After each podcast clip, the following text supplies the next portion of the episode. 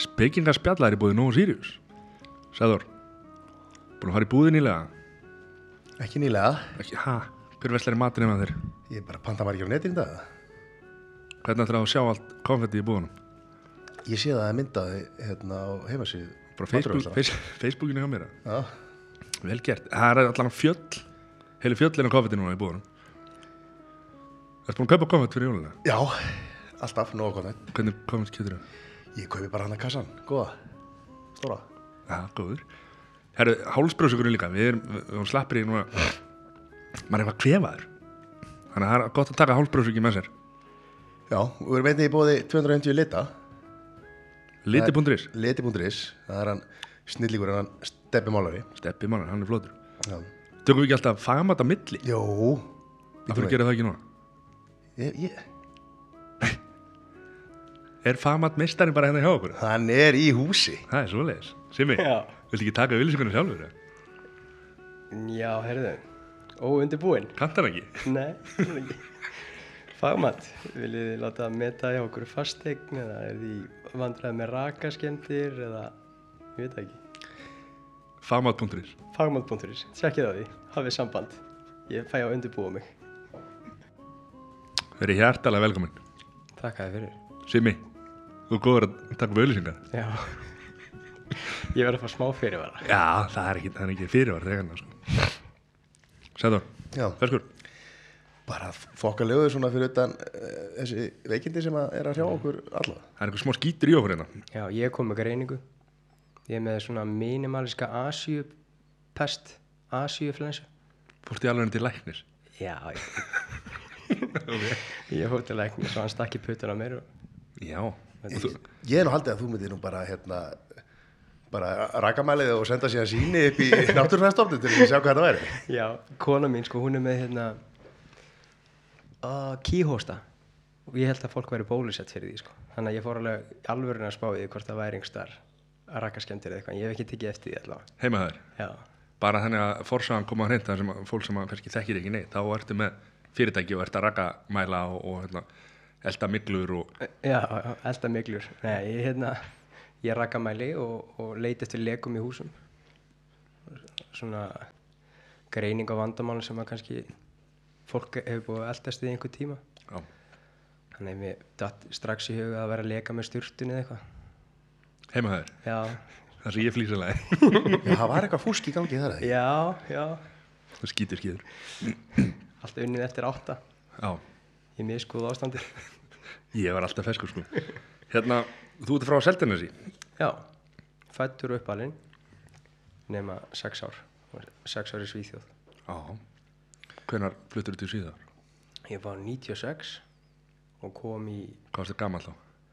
þá er ég uh, tíu ára. Uh, já, ég flyt út tíu ára og kem heim fyrsta bekki mentó. Þannig að þetta eru svona sex ár í hildina. Ok Hvað varst að gera þar? Uh, ég var bara barn, fóreldur mínu voru að vinna. Mm -hmm. Þannig að ég fór bara í skóla, sem sagt grunnskóla, kláraði tíundabekkin, kom hingað heim og fór í Vestló Já, eitt ár. akkur bara eitt ár Það því að ég, Þetta er svona gáðaðar ég var ekki nógu klár, Nú, ok ég held ég hef fallið í íslensku og já, bara leiði ekkert vel þar. Fór svo í smiðin Já, og leiði tölvöld betur eftir það. Varstu þá bara með einhvern svona námsleiða eða akkur, Nei, í þegar nú kanntu vel að bókinótt. Mm, sko, ég, ég lærði enga íslensku út í Svíþjóð. Átti enga vini í Vestló það var eiginlega þannig að móðir mín spyr mér bara hvað viltu gera þú tóra hann eldri veist, hvaða skóla viltu fara í? Allir mínir æsku vinir eru eiginlega einu ári yngri en ég ekki komnir í mennskóla og ég sagði að ég var til í að bara verða eins og pappi mm. maður lítur upp til pappa sinns og sagði að hverju ferða þá ekki í Vestlandskóla því hann er viðskiptafræðingur. Og það var ekki það var ekki, það var bara slefblettur á töskunum minni og, og hérna, sofandi í tímum og fjall í íslensku að ég, náttúrulega var ekki með neitt grunn. Já. Og var bara pínuð svona, hvað maður að segja, ráandi, úlingu bara. Mm Fittar ekki alveg að þinn. Nei, En þá fórst í smiðina mm Í hvaða skóla fórstu? Iðinskólan er Reykjavík. Og það átti betur við þig? Miklu betur. Kláraði húsgagnasmíði og húsasmíði og hérna og þaðan kláraði ég samning og, og hérna reyf Lithuan strax eftir Svensbarf í hnjönu og þá hérna bara við að smíða. Bara á hnjánum eitthvað djöflast.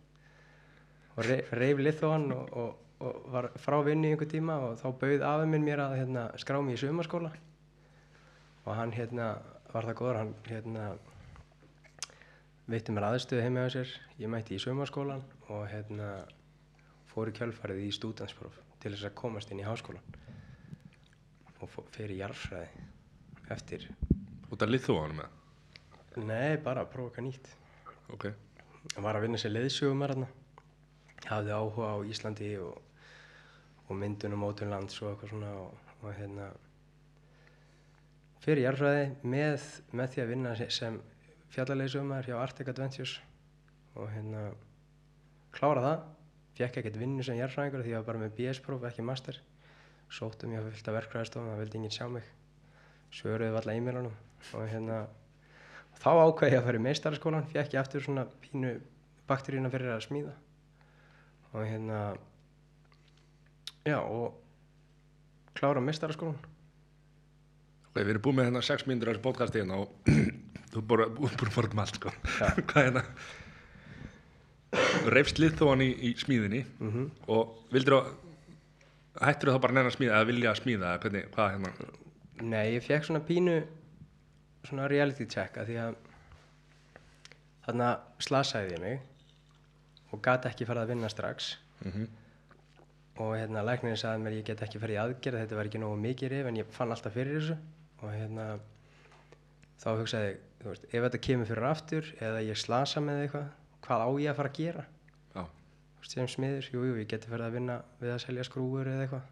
En þannig að fóreldrar mínir, þú veist hvert fórstu þá Tryggju, hvað fórstu þá að gera strax eftir þetta? þá fór ég bara um haustið beint í HR í frumgreina svið já, þrjá rannir, þú veist starfræði íslenska og allt þetta. Mm sem að var eiginlega ekkit af í einskólanum já, og lítill metnaður lagður í þar. Það var bara, þú veist, stemmingi var svona það er, strákum minna, það er enginn að fara að falla hérna. Mönnum bara ítt í gegnum þetta. Mhm. þannig að það var fínt, það var mesta keisla sem ég hef noktið að tekið þátt í. Mm og svo fór þetta bara svona stigmagnandi einhvern veginn upp í upp á háskólastig.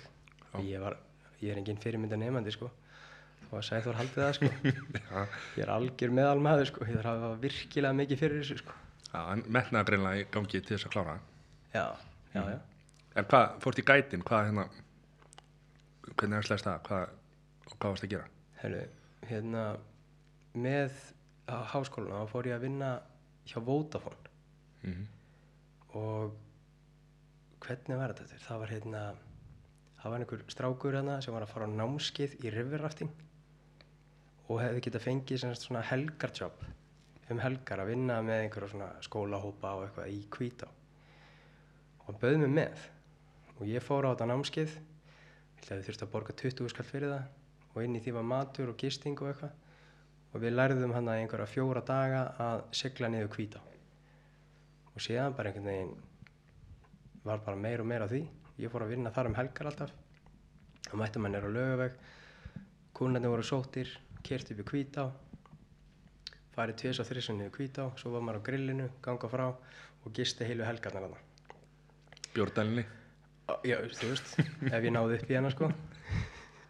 Uh, En svo bara hérna eigandi fyrirtækisins var bara mjög þægilegur og hérna og hérna, herri sem ég hefur farið í hellaferð.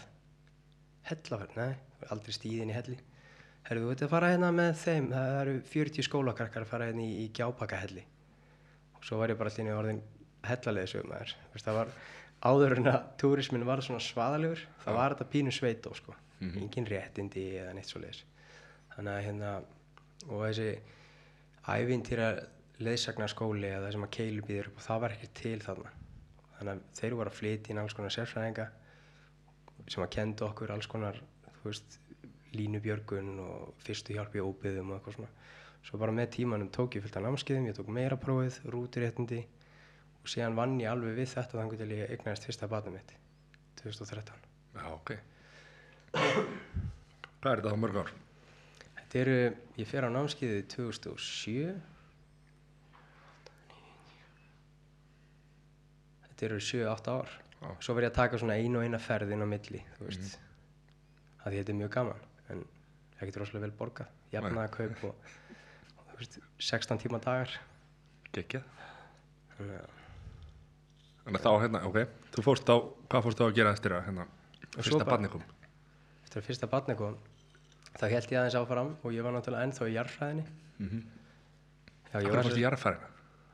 Af Út af, út af, út hérna, af, út af fjallaleðsögninu öllu því að þú, þú ert með hérna 12 manns og þú þarft að svara spurningum og hérna, það er ekkert hægt þú ert ekkert með þekkinguna sko. þannig að ég einhvern veginn fekk áhuga á þessu og, og skráði mig jarðfræði á í og tók það á fjórum árum með vinnu alltaf. Var mjög þægilegt, það var kannski skólanum til fjögur fór og sótti fólk klukkan 6 fór í hellaferð frýtt að geta humar veist á, á fjöruborðinu eða eitthvað og komin heim eftir norðurlösa ferð klukkan eitt. Svo bara aftur já, þannig að það var mjög fínt, hörku vinna. hörku vinna sko.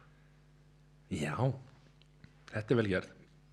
Svo fórstu í kláraru jarðfæðina mm og fjast ekki vinnu við það. nei, fór sóttum hjá veist, þessum verkfræðiskristofanum af því að ég vildi, ég ætla alltaf að í master ég vissi bara ekkert í hverju þannig að mér langaði að vita hvað væri að frétta inn á þessum verkfræðistofum hvað, hvað væri í gangi, hvort það væri eitthvað að gera fyrir jarðfræðing eða hvort ég ætti bara að sögðala algjörlögum og fara í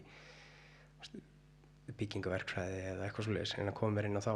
Og sóttu um sendi hérna fyrirskrána.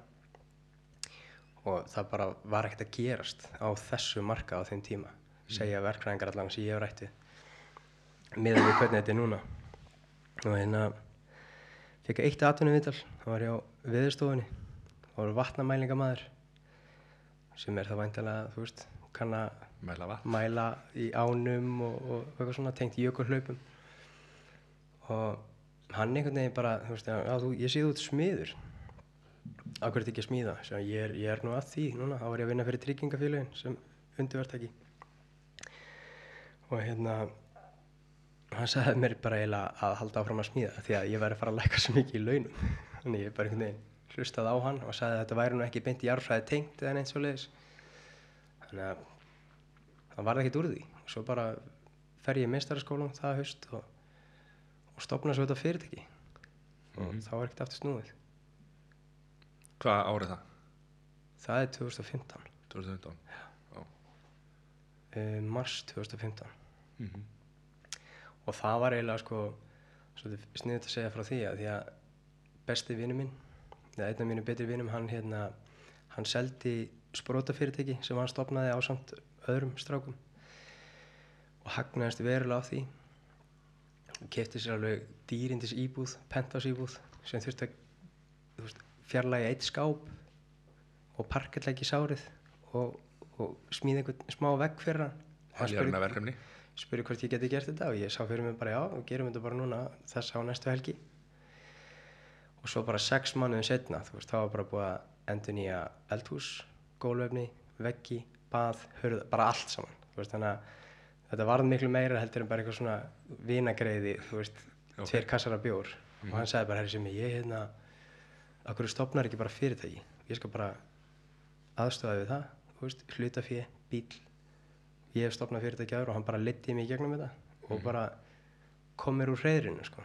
fáralega gott start sko. þannig að það var mjög gott sko.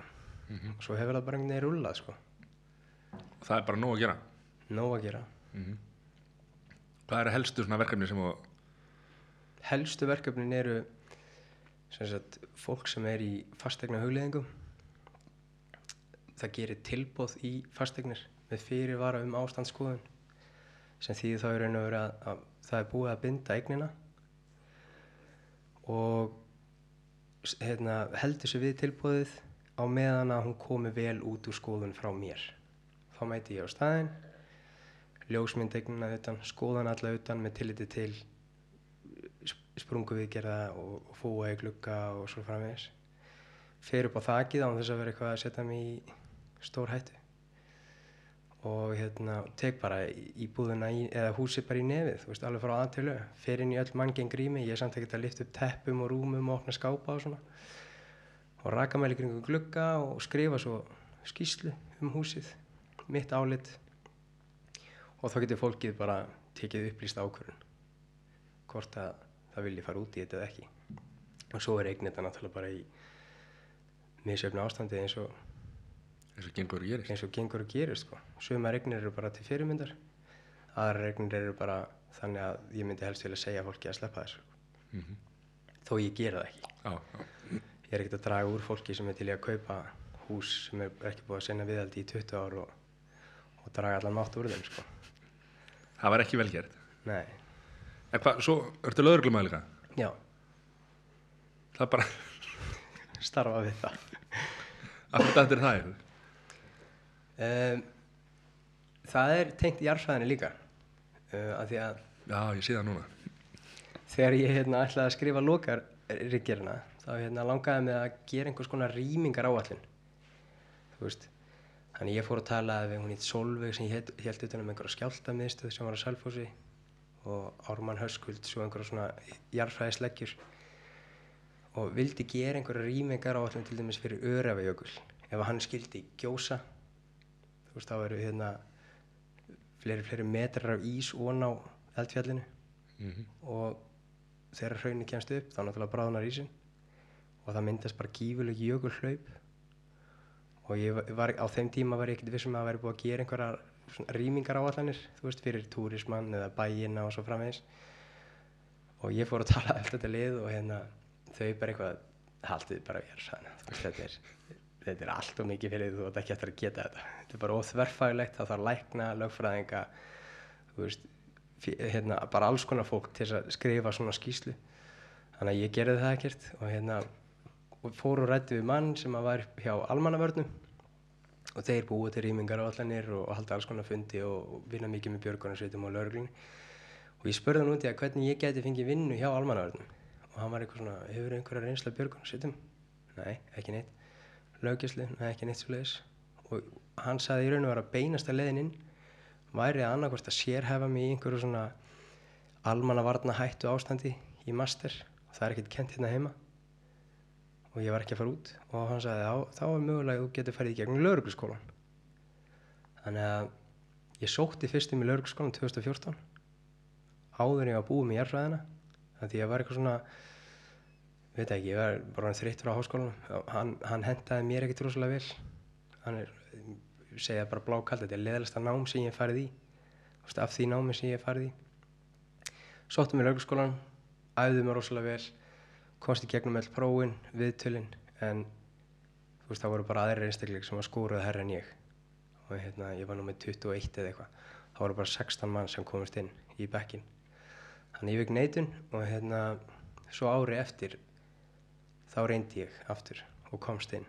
Og það var síðastur árgang, árgangurinn í laurugskólan svo fer maður náttúrulega bara gegnum starfsná bara sem almennu lauruglumæður og eitthvað smottir í rannsóknadeldinni og þetta starf á bara svo ógslag vel við mig. Að ég get bara ekki hægt fólk spyrir mig, þú veist, hvað er þetta að gera ennþá í lauruglunni mm. hvað er þetta ekki bara að sinna fyrirtækinu það er einhvern veginn, ég veit ekki, veit ekki hvað það er. Það er svona að vita af því að ég er að fara að söðla um algjörlega í næstu viku og fara að gera bara eitthvað allt annað. Það er bara eitthvað, það er eitthvað gott við það þú veist, af því að Úplar alveg út. Já, það, það verður alveg þreytt að vera 8 til 12 á kvöldin í fagmand alla virka daga pluss sunnudaga þannig að að komast kannski á næturvaktir 50. 1. lögat og sunnudag það bara, þú veist, breytir þessu mm. gerir þetta bara svo miklu, miklu betra og líka því ég er alltaf einn í fagmat í lauruglunum fæði félagskapin og tala við fólk og, og takast á við krefjandi verkefni Mm miskrefjandi Þannig að þetta var bara forveitni að og ætlar að þá í, ætlar að, hvað, sér hvað, almanna, almanna varnir nei. Ég held að skrifstofustarf hendi mér allavega ekki eins og er. Nei. ég get ekki verið bara inn á skrifstofu. Þú ert nú með smjörþjóðan að því hann í fagmat en, já, en það er samt þú veist, það er bara svona smáttir í veist, þetta sný, snýst náttúrulega aðalega um ástandskoðanirnar og rakamælingarnar. Þú getur ekki verið skristu músamaður eins og við kalla þetta. Bakveikur í borgatúrunni bak við ykkur í borg Bakveikur í borgatúrunni Nei, ég geti, sko Ég þyrfti að vera á rosalega góð launum við að sita bara svara kannski fjórum e-mailum á dag og þetta er aldrei fjögur e-mail sko. ekki einu sinni það, tvö e-mail. Nei, miklu meir tvö e-mail og bara svo eitt fund og eitthvað. Ég held ég að fengi hérna 50 e-mail bara í dag sko. Já, nei, nei. Ég, hérna, nei, ég, ég gæti það ekki sko. ég held ekki En það er nú kannski ekki komið, komið fram að þú heldur úti Snapchat rás mm vinsæli þar sem að þú ert að bara taka myndbönd af þessu verkefni sem þú ert í. Já, og ekki bara einungist það heldur að veita mikla fræðslu í leiðinni já, og svara aðra grúa af spurningum sem kom inn bara myndir af alls konar vandamálum. Hvernig byrjaði þetta Snapchat? ævintýri eins og þetta. Þetta byrjaði þannig að ég og kona mér við kiptum okkur íbúð sem því þekkið. Mm og hérna og ég sem sagt ástand skoðaði hana fyrir annan aðala hann hættir við og ég fæ þá flug í hausun að bjóði íbúðuna gerði það, fekk hann á fínu verði en þú veist, það voru ákveðnir hluti sem þurfti að laga að því við ætluðum að leigja hann út og þú veist, þá hófist framkvæmdir hérna 2000 og, hvernig er það, 2017 og þú veist, Snapchat svona frekar nýtt eða þannig. Og ég var bara eitthvað að taka upp hvernig ég skipti um glugga og hvernig ég veist, endur glerjaði og reyfi parkett og eitthvað svona. Og þetta var náttúrulega bara aðalega vinir þá en svo bara einhvern veginn spurðist þetta hægt rólega út sko. Nú er þetta búið að vera í, já, tvö ár. Þú bara lendir í þessu já, ég bara lendi í þessu sko. Lendi í heimsfræð á Íslandi.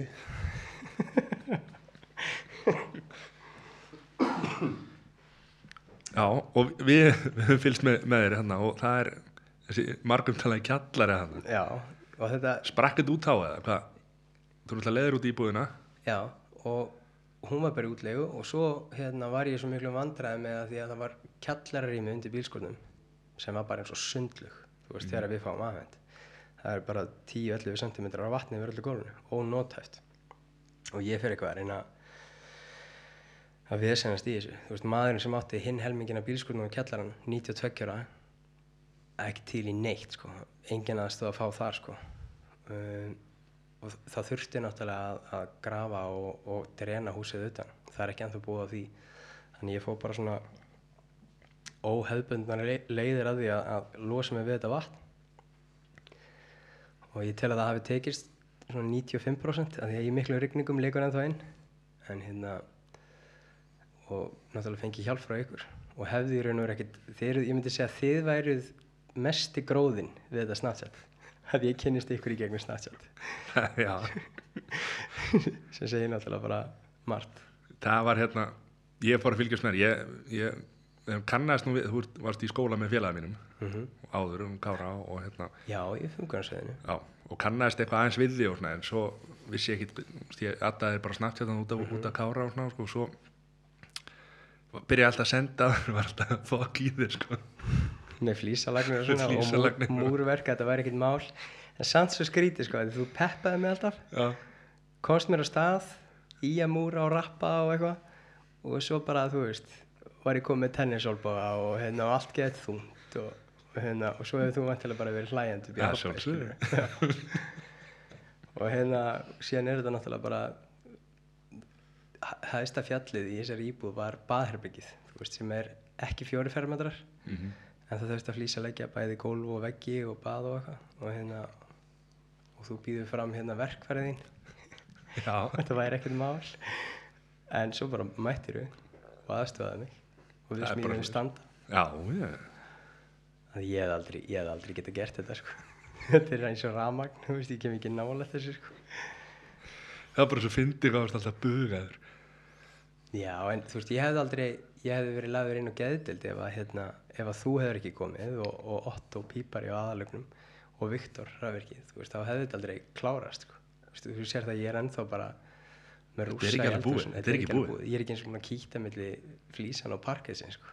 þetta er eitthvað sjömyndir sko. ég veit það, ég veit það og það er ennþá post-it með á glerinu sko, sem ég á eftir að færa sem að bara, ég, ég kemst ekki í þetta sko. Já, þannig að svo verður þetta bara svo erfitt þú ert fluttur inn líka já, það er svona hrikalegt að vera líka með börnin hann eitthvað út um allt og við vorum eitthvað ósatt við vélarnar á gólfunum út um allt og svona en, en ég stefna á því að þetta verði orðið svona, svona heimilislegt 24. desember sko þess vegna er ég líka, ég er hættur að vinna núna nú er ég bara ekki að skoða það neitt Mhm. ég fer að vísu á vaktir um helgina við podcasti núna. podcasti núna, þú veist, ætti að vera heima að hérna að græja, kýta milli flýsa og, og setja einhverja parkettlista Taka verkvarinn og henda þeim út í skúr og svona. já, skúrun er vissu aftur komin á kól sko það verður ekki að smíða eitt standarninni sko Við höfum nú átt góða tími í þessu skúr. Og kjallar hann. já, heldur betur Ha, segður. Þú ert flottur. það var kannski ekki glemt að minna mig Já. í sem hérna besti handlangari landsins já, kvoðaði baðið Já, já, alltaf einhverja legur. bollaslípaður og braust og Já, það má nota hann í ímislegt. já, ég, en hvað hérna er, er áreitið að vera með Snapchat? Er þetta að fá já, já ég viðkynni það alveg, ég er alveg þú veist, suma daga þá er ég bara þreyttur á þessu sko. Þetta er alveg, það er alveg pínu sem, að- sem að var eiginlega ástæðan fyrir því að ég vildi ekki fara út í eitthvað svona, svona sponsor og svo. Það er, það er nokkur fyrirtæki sem hafa haft samband og beðið mig um að þú veist, koma í samstarf. Og ég gerði það með Sindra að því mér finnst það bara eiga vel við það sem ég er að gera. En svo eru fyrirtæki sem að er að beðið mig um að þú veist, auglýsa sig sem að tengjast yðnaði í raun og veri ekki neitt sko. og svo er þetta líka hárfín lína sko, að ég vinn sem lauruglumæður að ég á ekki að vera að tengja þetta saman og ég á ekki að vera að taka við einhverjum styrkjum. Þá þarf að vera algjörlega bundið sem að smið.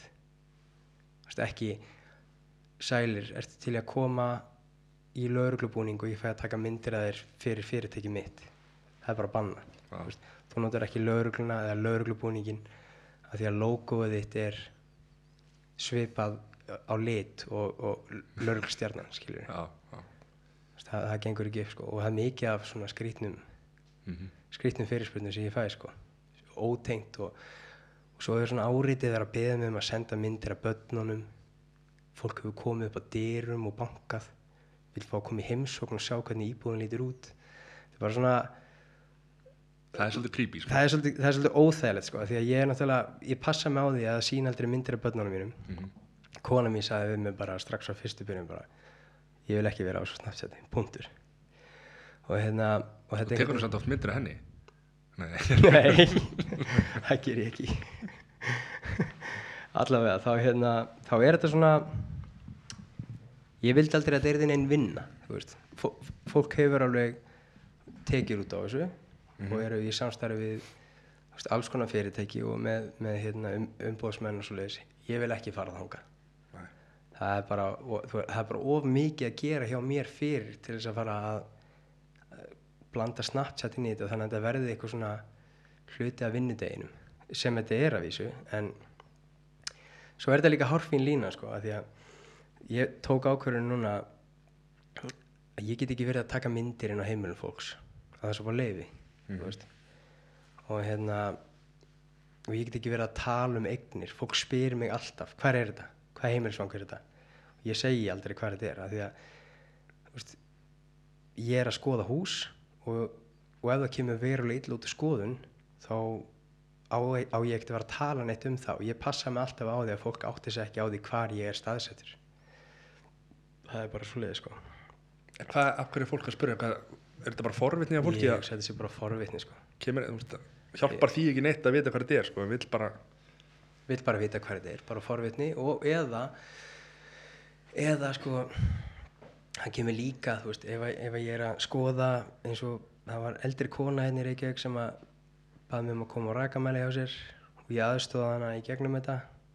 Þetta var tryggingamál og ég persónulega var mjög ósáttur við sagt bara segja, hvernig, hvernig tryggingafélagi tók á þessu fyrir hennar hönd. Því hún er 74 ára og ég talaði um þetta á Snapchat veist, því ég var in the moment þá var ég bara frekar reyður Mhm. að þeir ætluðu ekki að gera neitt. Ætluðu að fara að borga 74 ára gammalli konu hérna einhvern pening fyrir ónýtt parkett því að það lag fjórum hæðin fyrir ofan hana og það bitna bara henni að redda innan og þið vitið alveg hvernig það er í dag. Mm veist, þeir eru ekkert að hverju strái. Þannig ég tjáði mig um þetta og það náttúrulega bara fylltist allt bara. Að, segðu hvaða tryggingafélag þetta er. Veist, við erum rétt að þið fá að vita það. En þú veist, ég vildi ekkert fara að koma mér inn einu vandræði skil. og svo hef ég alltaf veist, hef ég bara haft þá reglu að ég reyna að svara öllum og þetta eru kannski, þú veist þetta eru ógislega mikið á dag, þetta stundum er þetta bara 80 til 100 mann sem er að spurja með að einhverju og ég er bara saminskuðsamlega að svara því bara, þú veist, á kvöldin þannig að þetta tekur tíma frá manni og hérna Þú vilt ekki vera bakveikur í borgatunnu en þú svarar 80 til 100 manns á Snapchat. já, Þetta er bara eins og e-mail, skiljum já, já, já, já ég veit það, en, en hvað maður að gera? Já. Ég meina, þetta gefið þau náttúrulega helling líka, sko. Já, já, ég gerir það sko og ég fæ oft einhver ábendingar þú veist, frá hérna að það er mikið að innamenn sem fylgjast með þessu líka og ég fæ fullt á aðstoð þar í gegn líka Mhm. þú veist, ef ég kem með einhverja spurningu þá fæ ég oft bara mjög góð, greina, greina góð svör menn benda mér á einhverja aðila sem að geta aðstofa mig og, og svo öfugt, skilur En hvernig síjar út? Þegar koma, þú veist, þú spyrjaði einhverju og þú fara kannski 30 svör og þetta eru 20 mismundi svör.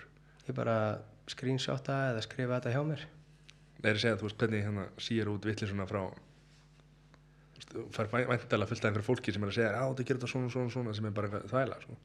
Eh, Já, já, já, ég tek það inn í myndin en síðan er ég bara með svona ákveðna aðla sem ég ringi í, bara mm. náðungar sem ég tristi og hérna bara þess að gefa þeim smá frið þá kannski fæ ég svona einhver ákveðna hugmynd og heyri svo í þeim og, og ber undir þá þessar pælingar og hérna já, og, og prófa bara hluti Þú ert forvitið maður, sko. ég er forveitin maður og þú veist en ég til dæmis, þú sagði mér að það væri ekkit mála að flýsalegja og múra þetta væri bara Þetta er ekkert þú mál. veist, ef þú kannt að skúra þá kannt að múra og hérna, Segði það reyndir ekki. nei, það var, það múrar, já, þú veist, það, það er til dæmis eitt svona, þú veist, þetta er ekkert málmaður, þú bara græjar þetta, en það er ekkert raunin, þú veist, þess vegna á ég, og fólk oft er að ringi í mig, þú veist, eins og því ég, ég gerði við sprungur utan á kjallaranum, þannig að þá boraði ég svona nipla um hverju sprungurnar og dældi efni, póliúrþan, inn í sprungurnar þess að losna við lekan. Og fólk er ennþá að hafa samband við mig og spyrja hvort ég sé til í að framkvæma þetta hjá þeim. En þú veist, ég myndi aldrei gefa mig út fyrir það. Ég myndi aldrei, ég myndi aldrei gefa mig út fyrir það að fara að mála heila íbúð. Þess vegna finnst mér miklu betra að segja bara, þú tala bara við 250 liti þú veist, hringdi stefna hann er þinn maður eða þú veist, hei, wow, hvað keftir þessar flýsar? Jú, ég kefti þær í harfiðaval ertu til í að taka bæðarbyggi mitt í gegn? Nei, talaði um alla þannig að ég, ég passa mig alveg á því að vera ekki eitthvað að, að hérna, veist, fara yfir línuna skilur En talandi um málara, hvað, akkur er ílaðið málara? það byrjaði, það byrjaði bara því að hérna til margra ára Sæmi, hann er lærður málari hann hérna hann fór ekkert svakalega vel með mig sem úling, skilur, ég vann hjá pappans að bóna gólf og, og þvó glugga og eitthvað svona með ég var í einskólanum og hann var alltaf með. Og þeir voru alltaf að grínast í mér sko, bara djúðis kveikindi sko, að ég er mjög auðtrúa. Ég hef oft verið sendur eftir ringvinklinum og, hérna ná í föta vakúm og hérna og versti hrekkurinn var í raun og veru hann skrifaði á svona post-it með það hérna 2 prins eða 2x prins 2x kók í gleri og 2x fneisknist og hann sendi mig hérna út í skerjaver sem var einhver sjoppa því þetta fneisknist átti bara að vera til í, í skerjaveri. Þannig ég kerði þangað eins og fíbl með hennan helvitis post-it með það í vasanum og passaði mig á því að lesa fyrst hérna, ég ætla að fá þú veist þetta var bara stelp á mínum aldri skilur sem er í ákvæmslubarinu fá tvær kók og tvö prins og hérna tvö fneisknist og hérna svip, svipurinn á henni var bara býta hans fór bakvið og náði pappa sinn. Og hann kom fram og ég þurfti að lesa þetta aftur.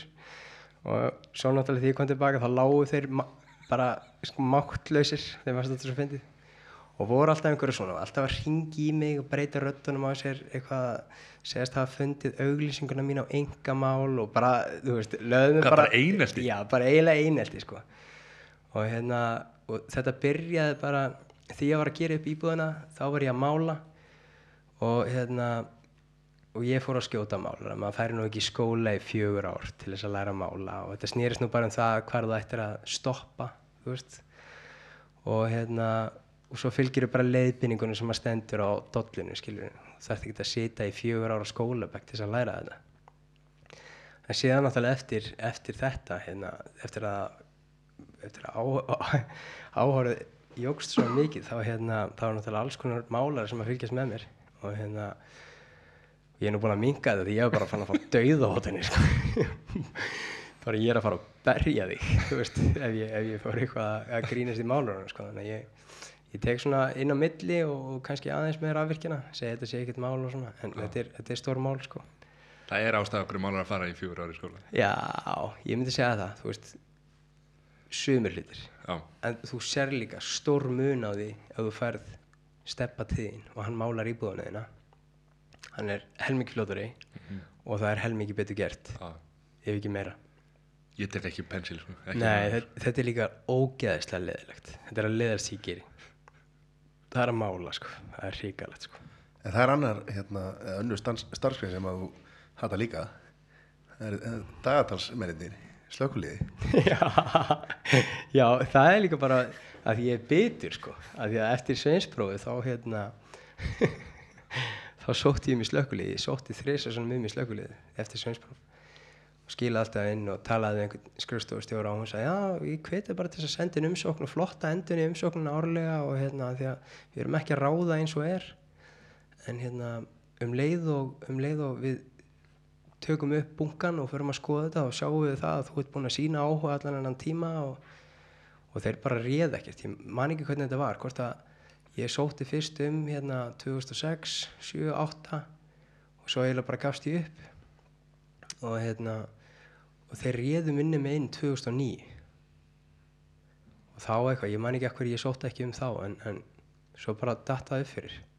Svo er ég farin að vinna sem lauruglumæður og, og við gerum mikið grínaðum að því að að því við erum örgulega bara betrir að því að þeir eru með, þú veist, tölvört herra kaupið mið 110.000 eða eitthvað. Þeir meiga sofa á nóttunni þeir eru bara með sín eigin betta og kotta og sæng og, og líkansættastöðun er mikið betri og, og aðbúnaðar er bara almennt flottari sko. Og lauruglumenn megi ekkert sofa þú veist að því að lauruglan á að sinna almennu eftirliti. Þannig að þegar ég er á nætuvakt þá þarf ég bara að vera að keira og, og sinna verkefnum. Og meðan þeir eru Sofandi. slefandi á kottan sinn og svo er bara svo sniðut þegar maður þarf að halda og kallar á það og þá koma þær yfirleitt með stýrur og kottafar á kinninu og svona.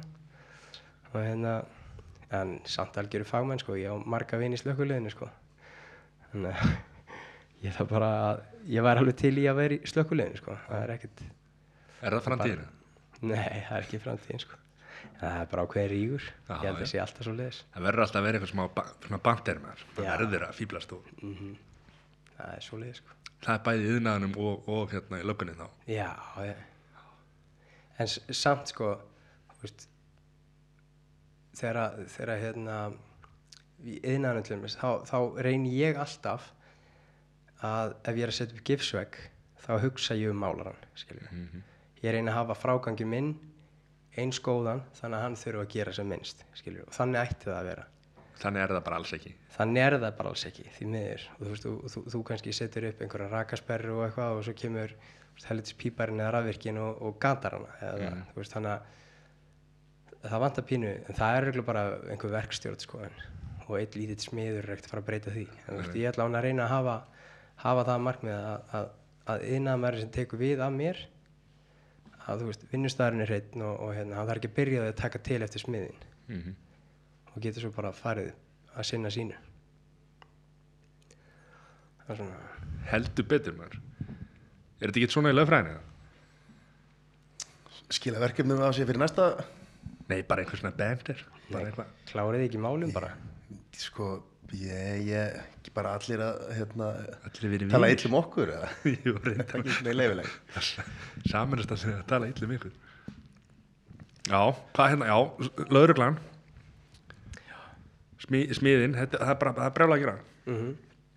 Og þetta tvinnast mjög vel saman líka því að í, í laurugluskólanu þá lærum við skýslugerð og hérna og ég skrifa mikið að skýslum þannig að þetta bara harmonera vel sko. Já, Ég fljótur að skrifa skýslur af því ég gera það líka í lauruglunni og ég kannski, þó að, þó að ástandsskoðunar skýslurnar séu ekki uppbyggðar eins og laurugluskýslur en þá er þetta samt í grófum dráttum þannig, þú veist. Hver hafði samband? Ég mætti klukkan þetta á þessum degi gerði þetta, sá þetta og síðan kemur þú veist, hvað ég tel að þurfa að gera sem að Sæþór tekur við þú veist, í lauruglunni þannig að ég skrifa bara, rugglar þess aldrei saman. Lauruglar skýstur.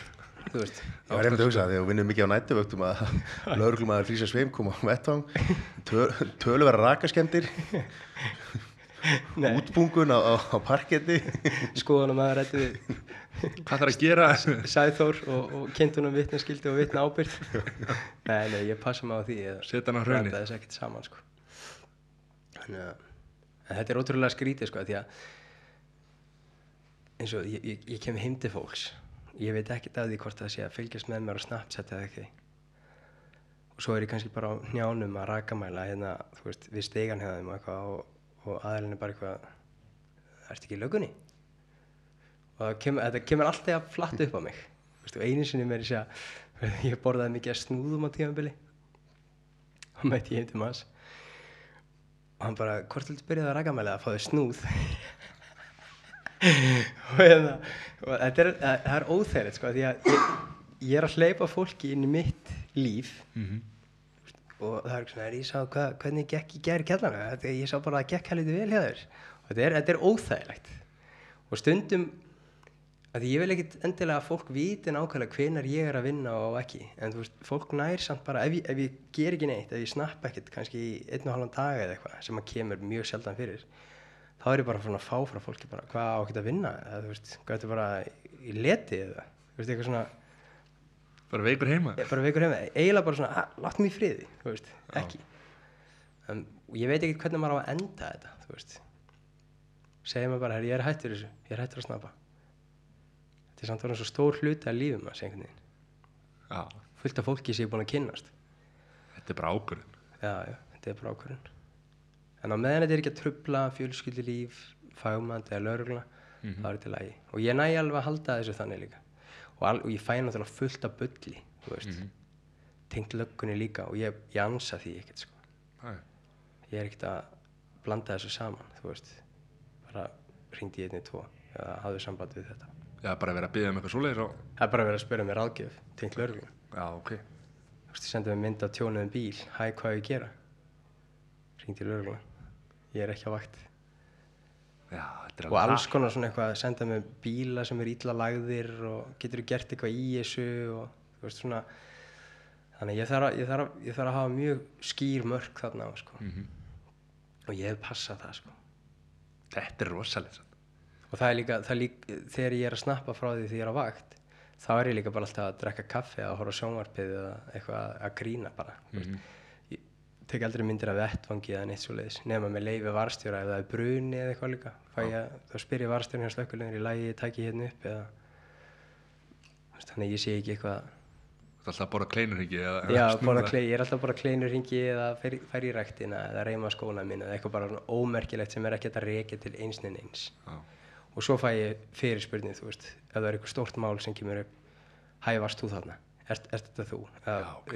alls konar svona furðuleg komment, sko það er bara eitt svar við því, trúnaðamál já. Nú fórstu úr á ofan einu sinni. næstu Næ- því Næstu því. Já. Snappið fór næstu að af því. nei, nei, ég er ekkert í því ég, ég sleppi því alveg, sko Nei, þetta slökkulismenninu það. já, úr, já, þeir, fyrir eru því, sko já, þeir hafa nægan fyrir í tíma, sko Er, það að svo koma dagatal frá fagmat, ekki? Þið getur kannski aðstöðan með að útfæra það. Ég hef ekki hugmyndaflug í það. það er svoleiðis símiðin er bara logandi snappið, þetta er bara rögl hvernig ætlum þú að fara í snappið Segðu. Ég ætla ekki í snappi, einhvern tíma ætla ég að snappa. Og í innlögn. En ég passa mig líka á því sko, að vera ekki að taka myndir af fólki veist, nema að ég viti að það sé í lagi þú veist eins og ykkur tveir villisingarnir en ég kem ekki inn í búð þar sem ég aldrei komið áður og tek mynd af starfsmannunum þannig að það er eitthvað sem ég hef sett fyrir mig sko. þetta er svona prinsip, það eru margir snappara sem eru bara, þeim er bara alveg drullu sama sko. og ekki hérna tala veist, snappa og keira þú veist, það gengur ekki upp Svo fjast nú skýt fyrir það um daginn. Hvar? hvað varst, ekki, hvað varst það varst að keira eitthvað um daginn og þá varstu hérna, þurftir að taka fram bara ég fer, fer út í kant og stoppa já, já, já, já, já. er hérna- þá var ég að keira á Reykjanesi á svona á leiðin í hérna að voga vasslýströnd og fór. Því hérna hafði bara ekkert komið að náður fór einhverja kolvill þess að leið sko. Og var bara einhver svona sveitavegur eða þú veist ekki beint sveitavegur og það setti ég þú veist þú getur náttúrulega tekið upp slæta til vinstri og þá byrja síminn bara að taka upp. Mhm. og ég setti síman bara í, í símahaldaran minn og tók upp. Þannig ég var stopp setti í gang, kera stað. Og þá fekk ég bara þú veist lögreglum er að snappa og kera ég, þú veist, ég var bara með báðar hendur að stýri og, Já. og allt löglegt sko.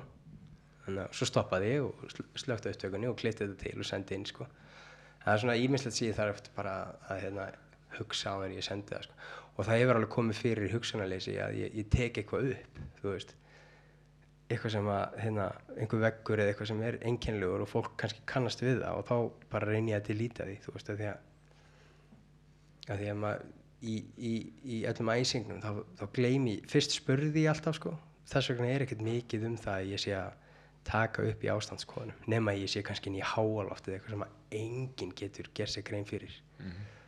Þannig að og svo hefur fólk oft spurt mig hæ, ertu til í ástandskoða fyrir mig? Þú mátt snappa eins og vilt. Og ég þarf ekki að borga fyrir ástandskoðun þannig þú veist, ég er bara svona nóg annað að gera við minn tíma sko. þú ert ekkert í þessu til þess að gefa og, og taka frýtt sko. Nei, nei, nei, en það kemur samt til upp á ég er mjög, ég er mjög góður þú veist ég vorkinni fólk oft svo tekið inn á mig. Sérstaklega ef að þetta eru eldra fólk nær sérstaklega vel til mín sko, þú veist, ef að það er allt í rugli hjá þeim, leikur inn ég er búinn að skoða og hérna og þau fá bara ekki yðna mann og, og þurfa frekar aðstóð þá hef ég oft, margóft bara hjálpað þeim án þess að vera að rukka þau eitthvað sérstaklega fyrir það. Bara eins og þessi eldri kona og, og núna síðast í síðustu viku eldri hjón þar sem að húsið er bara gjörsamlega heldur ekki vatni. Og þá er ég bara svona að leiða þau í gegnum þetta sko. Þannig að gefa líka pína á sér sko. Það er líka það góða við löguna. Þar gefur maður á sér. Fyrir lí, lítið kaup. Já. Það en hvað hérna, ætlar að fara eitthvað í smiðin ætlar að fara út húsgagnasmiður Mhm. og húsasmiður? Já, ég tók svo meistaran í kjölfarið. En ég hef aldrei starfað sem húsgagnasmiður. Ég vann sem húsgagnasmiður hjá hérna, frenda mínum. Alltaf í fríum, jólafríi og páskafríi og svona. Og meðan ég var í skólanum. Ég kláraði sem sagt húsgagnabrautina, húsgagnasmiðina og vann alltaf hjá honum. En ef þú ert að vinna sem húsgagnasmiður í dag, þá ertu bara allavega, allavega eins og þetta var í honum, þá var ég bara fyrir saman þykta bara 8-4 bara breyta millimetrum og setja plötur í gegn og ég áttaði mig á því bara að þetta var ríkalegt sko. Ég get ekki verið í þessu. Engi, engi fjölbreytni og... nei, nei. En þetta var alveg rétt hjá smíðakennarna sko. Þeir mæltu með því að við færum í húsgagnarsmiði og við vorum tveir sem fórum á grundöldin í húsgagnarsmiði fyrst og svo í húsasmiði að því að í húsgagnarsmiðinni ertu að vinna eftir millimetrum en svo ferði yfir í húsasmiðina og þá var aðeins meiri grófinna sko. Og þeir sögðu að það væri svo sniðut að fara í húsgagnarsmiðina fyrst og fá þetta fína í sig þú veist. Og það var alveg rétt hjá þeim sko. Og skemmtilegu tími. Þetta er bara tvær gjör ólíkar greinar sko. Og ég er búin að gleyma mörgur hús, húsgagnarsmiðinni ég get ekkert farið að vinna á verkstæði í dag sko. Svo er þetta orðið svo svakalega tæknilegt með hennan yfirfræsara og eitthvað svona. Bara að vera forritari til þess að kunna á þetta. Það er alltaf orðið brjálega tölvuna fyrir hvernig eins og bara með hérna já bara allar segðin greinar. Þetta er Mhm. mm. orðið meira heldur en menn er ekkert með hérna, rennibekk og, og hérna Nei, nei, þetta er bara er bara Og erfitt að keppa við gula bláa risan. Íka. Heiða Sverri. Þurfa ekki að keppa á hann er bara kaupa honum. Það er samt tölvun munur á gæðum. Já, Það er það sko. Ég kefti mín einréttingu í Bíkó já, og svo stuttu setna sett ég upp Íka einréttingu og það er heiminn að hafa þetta á milli sko. Já, ok. Bæði í hurðum og, og efnið bara. Það er allan að mín skoðun sko. Já, já, heldur betur. Heldur betur sko. Hvað þreytur það? nei. Við erum allir einhvern veginn hérna við erum tussu leið já, það eru bara að fá okkur hennan fína hálsbröðskur Já. með chiliinu. Hálsbröskur og það er konfett á borðinu maður. Það vantar ekkert upp á það hérna. Nei. Hvað hérna, jólin, hvernig er jólin það er? Herðu, við ætlum að vera í fyrsta skipti ein. Við höfum alltaf verið annarkvort hjá mömmu og pappa eða tengdamömmu Mm -hmm. og hérna það verður bara spes erum, ég er ekki góðu kokkur sko nei, þannig að hérna ég þarf og að taka þú að sjá um elda Já, því að við erum, við erum korugt eitthvað færi eldhúsinu sko. Veist, þetta er bara hakk og spagetti og, og fiskur á mánudögum og eitthvað svo á maður alltaf að fara að elda eitthvað Wellington og eitthvað, þú veist, ég veit ekki hvernig við erum að gera þetta sko. sem betur fekk, fekk kona mín hérna jólagjöf frá vinninu sinni innegn hjá Kjöt Company og við ætlum bara að fullnýta það sko. já, hvað ætlar að vera með? Mér langaði að vera með rjúpu já, og ég gekk í sko tíu klukkustundir hérna eina rjúpuhelgi og fekk ekkert nema tár í auguna þegar það var svo mikil vindur og hælsari og sá ekki fugl. En uh, ég hugsa að við verðum bara með nautakjöt og humar. Já, þú veist ég ólst upp við það að vera með hérna kalkún á jólunum því að amma mín og afi lærði í bandaríkjunum og byggu þær í mörg ár og kom með það hinga heim. Þannig að það var alltaf kalkún og svo jóladag var hangikjöt en við ætlum að vera með kalkún á áramöndum og vonandi bara naut og, og ég er bara ekki búin að hugsa það maður er ekki að tala um þetta, ég fekk opnin í síðustu viku. Ég kann ekki einu svona á hann sko. Að vera búin að kýta já, heimili verður bara fullkomi já, við komum nýtt sjónvarp og svona og ætlar að bjó- bjóða snattjátt vinninum í heimsókna taka Nei, hringin, sem að geta átt að sér alveg á þessu Nei, nei, það verður ekki svo leiði sko. Þú nefndi sjónvarpið, þú ert búin að vera, að sjónvarslaus lengi. Já. Hvað lengi?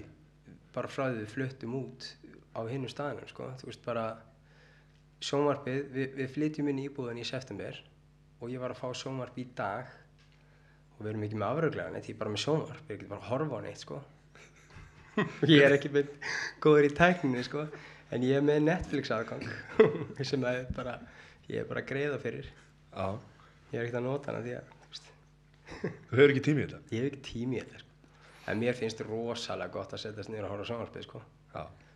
Ertu þú að horfa á gula byggir eða hvað er þú að horfa? Nei, ég er, á, ég er ekki með stöðu tvö sko. Ég horfa á gulla byggi á, á lauruglustöðinni ef að svona á, á milli stríða sko. Þeir eru átt að vera að vinna Því á að vera að vinna sko.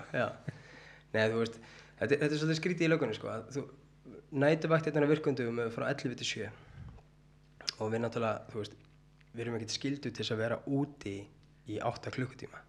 Þannig að maður byrjar á því að hérna, þú veist, það er alltaf upplestur, farið yfir hverju eru saman á bíl, einhver ákveðin verkefni eða eitthvað sem þarf að sinna. upplestur, eh, Já, það er alltaf, það er alltaf sagt, á vaktaskiptunum, þá er bara upplestur. bara vaktstjórin sem að það er bara varðstjórin. varstjóri já, Þá er til dæmis, það er kvöldvakt, hún er frá 3 til 11, svo kemur nætuvaktin 11 til 7, svo kemur dagvakt 7 til 3. Og alltaf á vaktaskiptunum, þá eru upplestur. Og eins og hverfiskutu, það sem að ég er, það eru yfirleitt 8 lauruglum á vakt, nema á nóttinni, og þá, það, þá geta verið færri, sko. Og svo þarf að gera ráð fyrir veikindum. En þá er bara varstjóri kvöldvaktar, þá fer hann yfir mál dagsins, hvað kom upp, hvað á eftir að sinna eða er einhver eftirlýstur eða eitthvað ákveðið? Og svo er bara farið yfir það hvað verður gert, hver eru saman á bíl og, og einhver fyrirmæli hvað við höfum að gera. Og síðan fyrir við bara inn á kaffistofu, fáum okkur eitt kaffibólla, ræðum málinn út í bíl og förum að gera bara það sem við gerum. Og erum kannski úti til þú veist, við það ekki eitt, tvö. Stundum er brjálað að gera þú veist, bara linnulaus verkefni þú veist, það bara stoppar ekki. Maður sendur hinga og þanga innbrot, áreikstrar bara, þú veist, allt sem kemur upp á borð. Og svo reynum við að sinna almenna eftirliti sem er þá bara þú veist, stöða bíla og kannan með ástandu aukumanna og, og bara vera sínilegir, reyna það.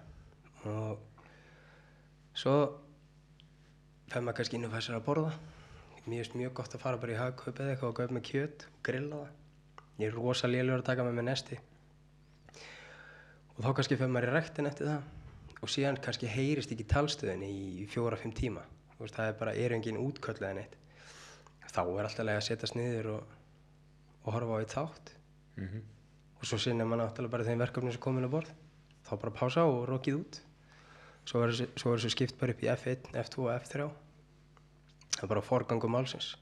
F1, mannslíf í húfi F2 er eiginlega það sama það er mér vist mjög lítill munur á F1 og ein- F2 sko. Og þá náttúrulega bara brunum maður að stað eftir bestu getu. Og F3 er meira svona þú veist, og F4 er bara þú veist, einhver bíl ítla lagður þú veist, sem að liggur ekkert á skilur maður sem lappaði yfir á rauðu ljósi eða eitthvað. Já, já, því er ekki einu svona sint sko, en maður fær það aldrei. Nei. og svo eru bara mismunandi áherslur hjá mismunandi lögreglumennum þú veist, sumir hafa áhuga á umferðarmálum aðrir hafa áhuga á fíknarmálum og menn bara sinna þessu svona. Fara að stjórna því bara hvernig, já, það er alltaf átök skilur Mhm. þú veist, símanótkun til stýri stefniljósa nótkun, ljósabúnaðurinn dagljósabúnaðurinn. Þannig að á kannski tökum við, veist, tíu bíla sem eru með dag, hérna, týrurnar hérna framann, Já. parkljósin. Og ég er ekkert sk- þú veist, skildugur til þess að hérna, sekta fólk skilur, það er ekki sem segir að ég verða að sekta. Þannig að ef ég stöðva hérna, nönnu sem er 82 ára á, á nýju míkronu sinni og ég fer til hennar að tala við hana og hún er kurteis og, og, og vissi bara ekki betur þá bara síni ég henni hvernig hún kveikjar á ljósunum og, og auki skiptin í lagi og hún er ekki undir áhrifum fíknefna eða áfengis þá bara eða góðan dag. eða góðan dag og aktu varlega. Þannig að maður þarf ekki alltaf að vera vondikallin sko hvað með hennar helvítis bíl hann sem er að taka myndir af manni já, hvað er það? það er, það er bara það er bara færanleg hraðamyndavel bara alveg eins og við umfæraljósun ég var tekinn um daginn sko. ég er, er ekki búin að hafa sektin ennþá það- Nei, nei. þetta er glata sko. en hann rakar inn já alveg svakalega er, er hann að sapna fyrir lauruglukorun eða hvað hérna? Nei, þetta kemur, skilur sér ekki til okkar sko. Á þess að ég viti það. Ég reyna að pæla sem minnst í, í hvernig þetta virkar, þetta batteri sko. Ég er náttúrulega bara á lægsta plani, já, eða næst lægsta. Veist, það eru, eru héraslögreglumenn, þeir sem eru ekki lærðir, hámenn, kallaðir. Þeir eru bara með há, þú veist, eitthvað númer. Mhm. Ég eru þá annarkvort í náminu eða ekki í náminu. Ég er útskrifaða lögreglumær, þannig að ég er þá yfirleitt ef að ég er settur á bíl með hámanni, þá stjórna ég bílnum já, þá tek ég allar á, hérna ákvarðanir og er ábyrgu fyrir því sem við gerum. En svo ef ég er með lauruglumanni sem að útskrifaðist 2007 þá stjórnar hann bílnum. En það er samt aldrei einhver svona stjættarskýting nei, ekki, Býtu sem útskrifaðist 2007, þá 2007 á undan eða sagt. já, eins og, og lauruglunúmerum mitt er 1511 Já, já, já. þá útskrifaðist ég 2015 eða byrjaði skólanum 2015 og ég var nummer 11 í bekknum. Og það raðast bara upp eftir reynslu þannig að 1501 hann var búinn að starfa sem lauruglumæður í þrjú ár hérast lauruglumæður út á landi já, tölvist yngri en ég samt ef að enginn hefði unnið sem lauruglumæður í bekknum þá hefði ég verið nummer 1 að ég var elstur í bekknum mínum sérlega Þannig en það voru margir í mínu bekk með starfsreynslu og ég er fyrsti sem að var ekki með neina starfsreynslu. Þú veist, Þannig að ég var nummer 11 þannig. Mm. Og það ræður hver, hver keri bílinn og hver Já. þá er svona, hvað, senior, hérna, Nákvæmlega. já, ég held að þeir myndi bara blása á og sjá hvort verið alls gáður og hann myndi keira. það er ekki svo leiðis. Sem betur fyrr. en sá sem er hérna með betra númer, herra númer læra, læra, Lægra númer nummer, já. vill hann alltaf keira bílinn eða Nei. hann ræður bara hvor, hvor keirir það Þú veist, eins og um helgar þá vorum við á 12 tíma vöktum. Það var bara mjög fínt að geta skipt, sko. og stundum er maður kannski bara eitthvað illa fyrir veist, ef þú, ert, ef þú svast illa mætir á dagvægt og, og börnin veik og eitthvað svona illa sofin tristið þið kannski ekki að, að sinna þú veist, F1 um forgangi að vera þvera miklu braut og eitthvað svona það var ekkert að því að segja bara ertu til að keira í dag? Það er bara ekkert að því. Þannig að það er ekkert issue þannig sko. Mm. En þú átt ekki svona partner? Nei, þetta er ekki, þú veist, end of watch stemmingin, ég er alltaf með sama aðla. Af því að sko áður fyrir var þetta þannig að það var, það var vaktakerfi, það var bara A, B, C, D, E vakt. Þeir voru bara alltaf saman á vakt, bara á sama, sömu rútinu, mætt á sama tíma og, og yfirleitt, ég, er náttúrulega var ekkert í lauruglun á þeim tíma en ég gerir fastlega ráð fyrir því að ef við þrýr værum saman, eða við tveir værum saman á vakt, þá vorum við yfirleitt saman á bíl, af því við bara þekktum inn á hvern annan, unnum vel saman og, hérna, og ekkert vesen. Og ég held að lög, löggæslan hún hagnast á því. En eins og þetta núna þá er þetta valfrjálst kerfi sem hendar mér mjög vel. Að ég vel vakt þetta mínar þrjá mánuði fram í tíman og get þannig líka stjórna fyrirtækinu mínu.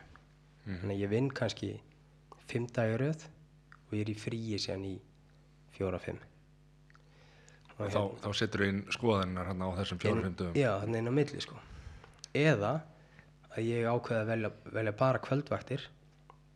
Það er oft alveg mjög strempið. Þá er ég, þá er ég kannski að skoða, fyrir með börnin í leikskólan, skoða frá 8 til 2, fyrir á laurugstöð, fyrir í gallan og er á vakt frá 3 til 11.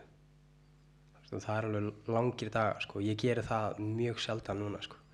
Ég gerði það mikið til að byrja með, en þú ert fljótur að keiraði út hannig keira þau út sko. Mhm. og ég er til dæmis núna bara eftir eh, síðasta ár þú veist, keislan, íbúðin þú veist, múruverkið og allt þetta. Ég er bara, ég, ég komið með tennisólbúða og ég er meira veikur en ég hef verið og ég er ekki með sama úthald þú veist, ánarskeri bara hundi já, ég er bara miklu þreyttari og, og, og, og stútaði mig sko, en það var líka fólk bara eitthvað, herðu, wow.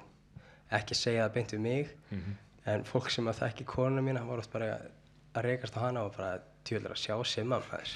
Hann er bara komið kullur í starfi og... Ei, já, hann er bara reitt hæna þú veist. Þannig ég hérna og ég þurfti að loka fyrirtækinu í viku og ég svaf bara heila helgi. Þú veist, ég var bara gjörsamlega búinn ílt í skroknum og eitthvað svona einhverju verki sem ég hef bara aldrei fundið fyrir aður og ef ég hefði haldið áfram með þessu fari þá hefði þið bara endað hann á spítala sko. þetta læðist líka aftan að manni sko. þú veist, þú eitthvað keirað áfram í einhverju svona reyna að vera jákvæður engin peningur flýsarnar ókslega þungar.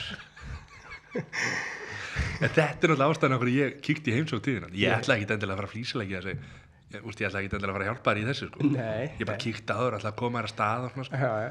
sá bara hvað varst bugaður ég átti ekkert eftir, ekki neitt Sko, er, var Matti bara eins og þessir einstaklingar sem að við vorum að benda á það, bara eitthvað, mætti til, bankaði bara og...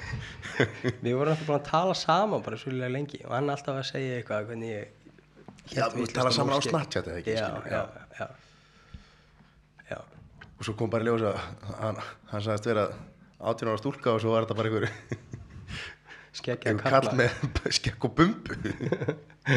almennilegt sko, nei ég er mjög þakkláttur sko, ég, ég hef, væri örgulega ekki ennþá fluttur inn ef hann hefði ekki komið og veist, eldhúsið og, og stof, nei, eldhúsið og hérna, baðherbyggið og þóttahúsið og þú. En fórstofana og fórstofana maður, og fórstofana shit, svo er svo fyndið sko að, að hérna, nú er að selja efrið þennan og kjallarann. Koma á sölu sko. Það verið tilvæðilega að þú myndið fara í kjallarann og þú að efrið þennan og þið myndið svo samnýta bílskurinn það er þá mikið sko. Aha. já,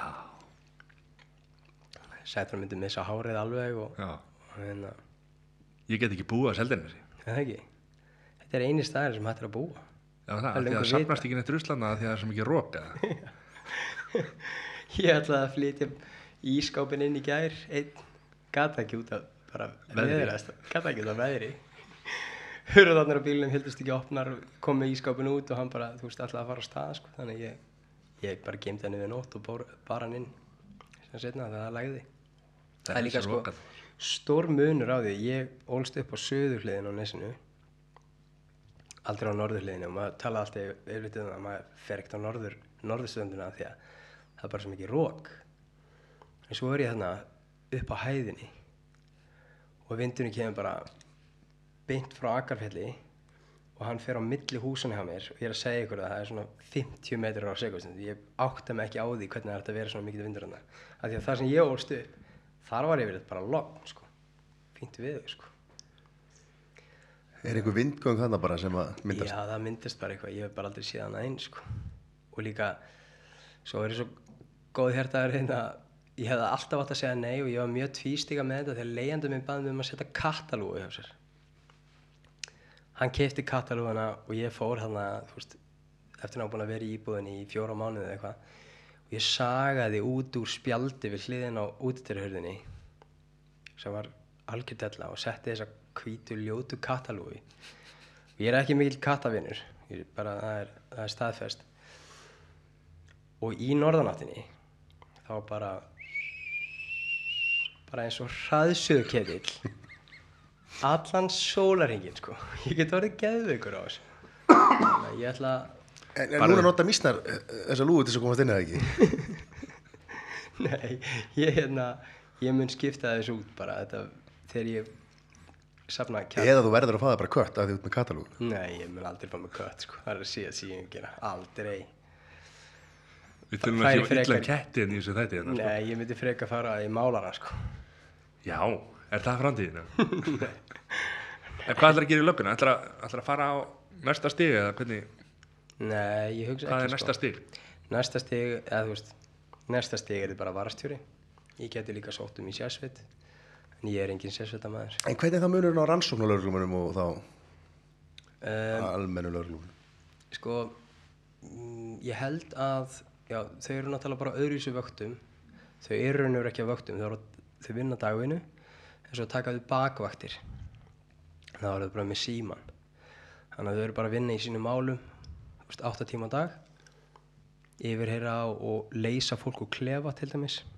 Þeir sem eru handteknir og, og fluttir á næra stöð það þarf alltaf að yfirheyra þá á þeir eða þá aðalega, já, þá aðalega og hérna það voru tölvöld betri launum og ég held að þau séu öll titlu sem varstjórar um, en eins og á vaktinni á mér þá þá er goggunarröðin þannig að það eru hámenn almenni lauruglumenn, ég svo kemur varstjóri og þeir eru yfir vaktinni.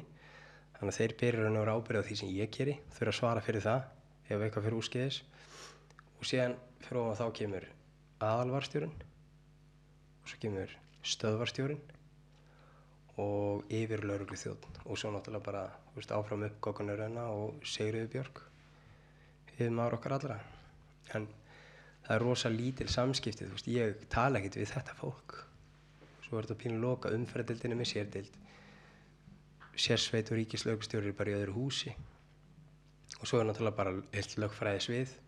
En þetta eru bara fólk sem vinnur á daginn og við erum ekki neinum samskiptinu, bara ekki neitt. En er það eitthvað annað nám eða eitthvað slíkt? Hvernig ef að þú veist, ef þú ætlar að vera rannsóknar? Nei, ég geti sóttið mér rannsóknan deild uh, og farið að vinna sem rannsóknarlörglumæður og byrja maður bara yfirleitt á svona minni málum búið á þjófnaður og, og svo fara með þess en það er alltaf gerð krafa um það að þú farir í sagt rannsóknarlörglu nám sem er kent núna við háskólan á Akureyri.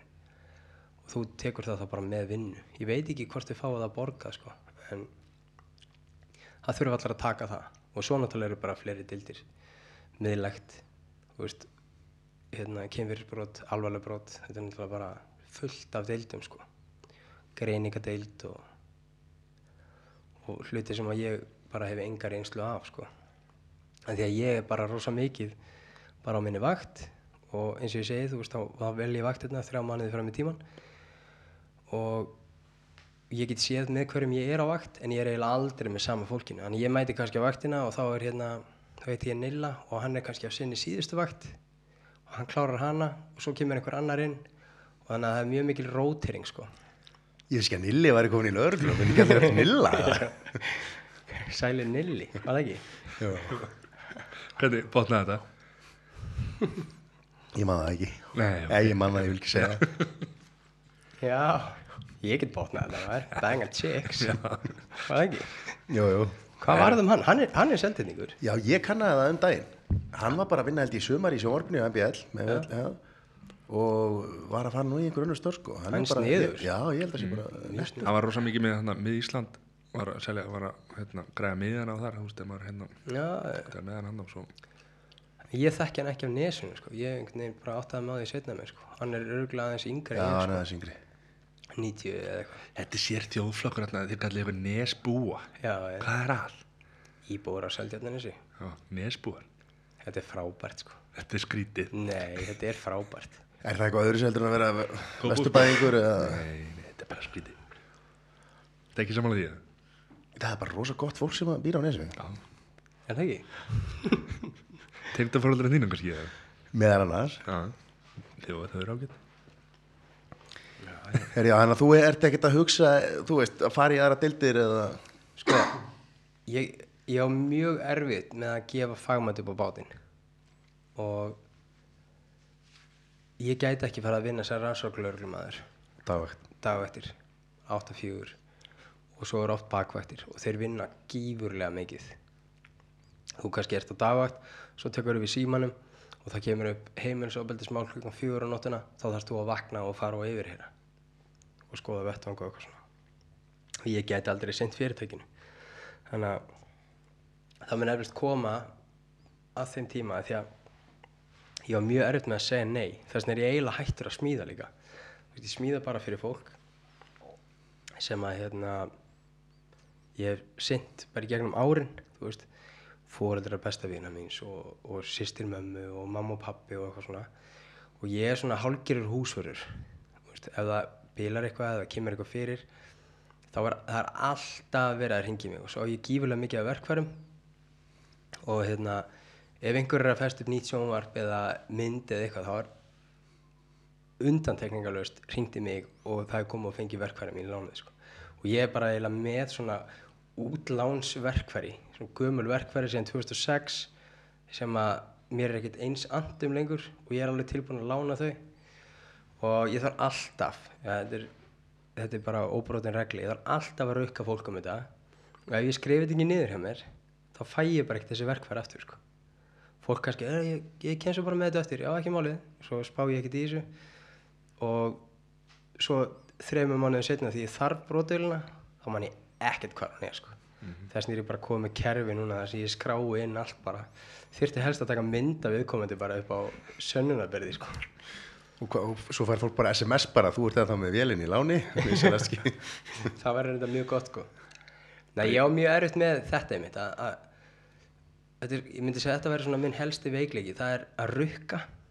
Mér finnst það óþægilegt. Mér finnst peningaþátturinn og fjármálinn og reksturinn og allt þetta ég hef ekki lært neitt í því. Og þetta er svona helstu vandamál hjá mér og svona lögfræði spurningar ég ringi yfir þetta í lögfræðingi minn. Hann sagði þá svona þegar ég er í einhverju svona mambói að því að yfirleitt er þetta eitthvað svona lindir gallar rakaskemdir skemdir eftir leigjanda og eitthvað og, og ég veit og fólk spyr mig bara heyrðu hvað á ég að gera núna? Hvað á ég að neita að tjá mig eða, veist, ég, ég kann ekki til lögfræði og, og sérstaklega þegar það kemur að fyrirtækinu mínu að því ég er bara einn í því ég er ekki með neitt, ég er bara með bókara sem ég fer með kvittanir til og hérna og séðan er ég, ég er ekki með neina fjárhags áallun eða þú veist þetta er ekki bara svona, hvað maður að segja þetta er ekki svona, Stefna. Það er ekki stefna ég er alltaf bara eitthvað að svara e-mailum, skoða skrifa skýslur, senda reikninga. Og ef þeir eru ekki borgaðir til að byrja með þá var ég bara með svona handskrifaða reikninga sendi þá með pósti og svo þurfti ég að fara að ringi fólk og rukka líka. Erfiðast ég gert sko. Sæll herðu hérna tek eftir þú ert ekki búin að greiða reikning. Og þú veist, fólk nefnilega bara lígur. Mm -hmm. ah, já, eitthvað svona. Já, ég, ég var ekki búin að fá hann inn lúuna eða eitthvað svona þannig ég er bara komið kerfi utan um þetta núna. Bara innheimtu fyrirtæki sem að sér myndi frá aðtölu Hverju mætir ekki lögreglubúningunum bara? Heim til fólks. Það, þá myndi ég missa starfið sko. Það er þetta rétt En já, en men- menn verða bara átt að segja því að það er að vera að vinna fyrir fólk að, ég meina, þú ert að borga, þú veist, þú ert að lifa af, sko. já, en konu og tvö börn og- ætti ég að vera með posa þú veist, rukka strax? Ég veit það ekki, Nei, ég meina, fólk á alveg, þú veist, bara,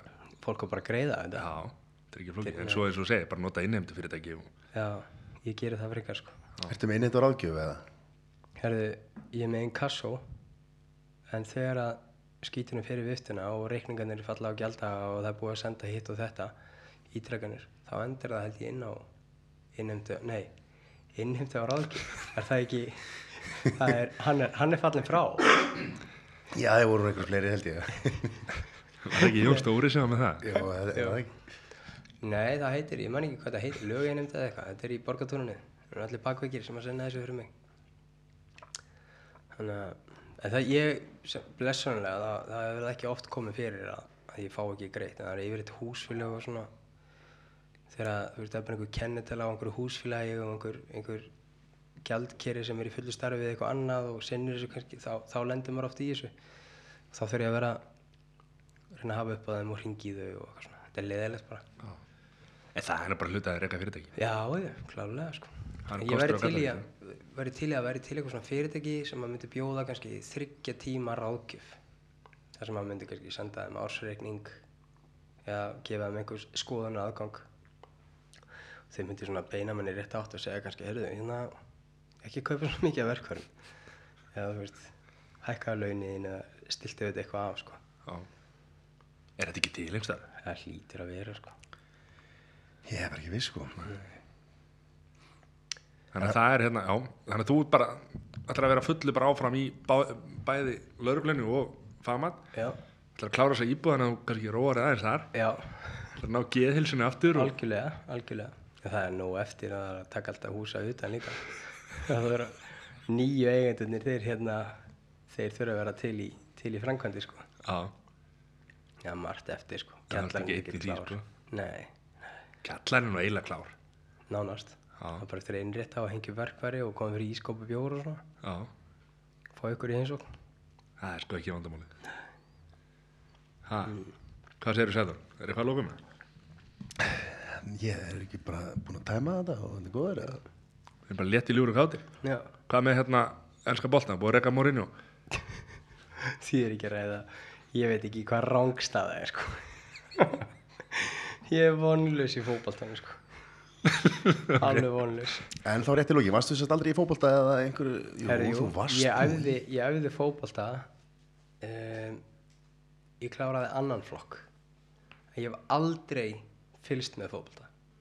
Ég hef aldrei haft áhugaði, ég hef aldrei haldið minni liði, ég var í gróttu sem kannski ástæðan fyrir að þú veist Þú aldrei farið upp í annan flokk? já, að ég gat farið upp í annan flokk nákvæmlega. En ég fór svo lendið því, ég fór úr lið á hnjaskjál og þar endaði minn fótboltaferill sem var, myndi aldrei verða að neinu. Ég var bara að, að, þessu út af hérna, félagskapnum og vinið mínum voru í þessu. Það var svona stemming en ég var aldrei góður. Fítn á bekknum. Fínna bæknum fítn á bekknum sko.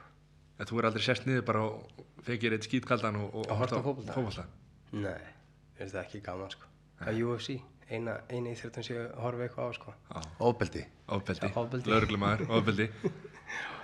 Þannig þú varst ánægð með Gunna? já, ég, ég komst ekki til ykkar sant Nei, það var skellur. ég var með Asíuflensuna Herru, Simmi Smiður. Hvað er snappið? Simmi Smiður, er smiður með D, eitt orð. Eitt orð. Gáði ég vel, takk fyrir um strákar. pottit eftir að fá það aftur hérna. Mhm. Og þá tökum við einhver, einhver góð húsráð, smíðaráð fyrir hérna, hinn almenna borgara sem ætlar að þá var ég fara í búin að framkvæmdir. undirbúa auglýsingu líka Já, fáum hérna einhverja silki, fáum hérna sem að vildi sem leysi inn á hana. já, klálega það væri Silki, sniðið hvað? Kastan í brúna, mennur Kastan ég brúin að kongi. Ok Hvað hva, hva er hann kallaðar að hérna breslu, nei hérna, blöð FNÍU blöð, hann er kallaðar hvað, The King of Cash eða eitthvað svolítið. Herri, það er önnur umræða. Þakka að kella fyrir að komuna, takk Simi. Og hérna, Við segjum bara hérna, gleðileg jól Þetta er gleðileg síðast jól. þáttu fyrir jól já, gleðilega hátíð. Hátíð Má segja gleðilega jól af því að sumir halda einhver, einhvers konar öðru sér hátíð. Þetta er þáttur nokkuð, við segjum bara sem við viljum já, gleðileg jól Gleðilega jól. Gleðileg jól